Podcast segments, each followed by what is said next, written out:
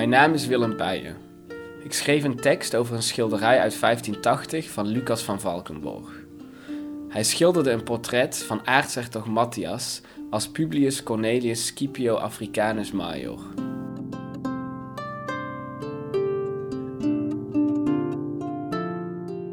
Achterklap uit het atelier. Anoniem dagboekfragment van een verongelijkte schildersassistent.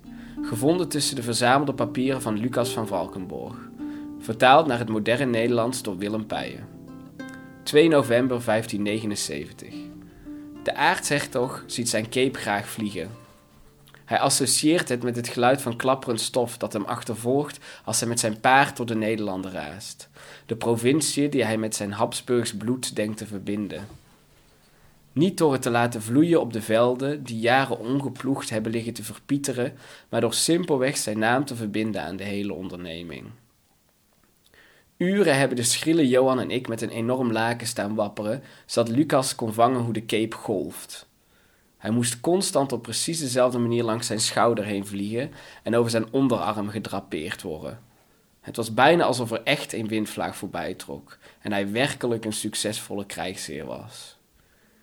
Het wordt nog mooier. Ik heb echt het gevoel dat we naar een gemeenschappelijk doel aan het werken zijn, hoorde ik hem vandaag tussen neus en lippen beweren. Het enige nieuws dat we hier op het moment ontvangen is van reizigers die met de wildste vertellingen op de proppen komen.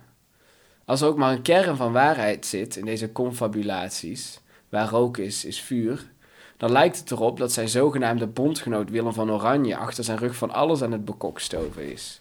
En in ieder geval weinig vertrouwen heeft in onze Matthias. Niet dat ik het hem kwalijk neem. Overigens zag ik de aartser toch schichtig om zich heen kijken nadat hij deze woorden had gepreveld. Alsof hij stiekem hoopte dat niemand zijn leugen had gehoord.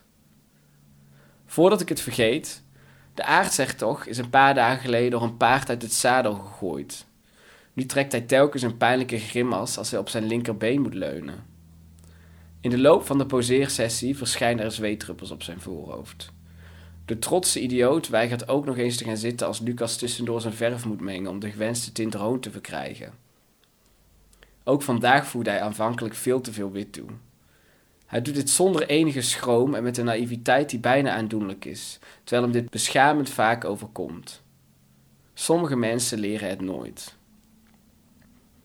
Ik moet wel toegeven dat er soms een glimp van grandeur opduikt tijdens de eindeloze poseersessies. Vandaag bijvoorbeeld.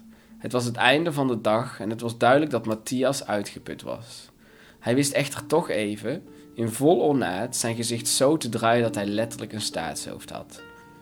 Daarop volgend zat hij weer met dat slappe handje aan zijn boord te frutselen en was hier weinig van over. Het is in ieder geval niet onopgemerkt gebleven.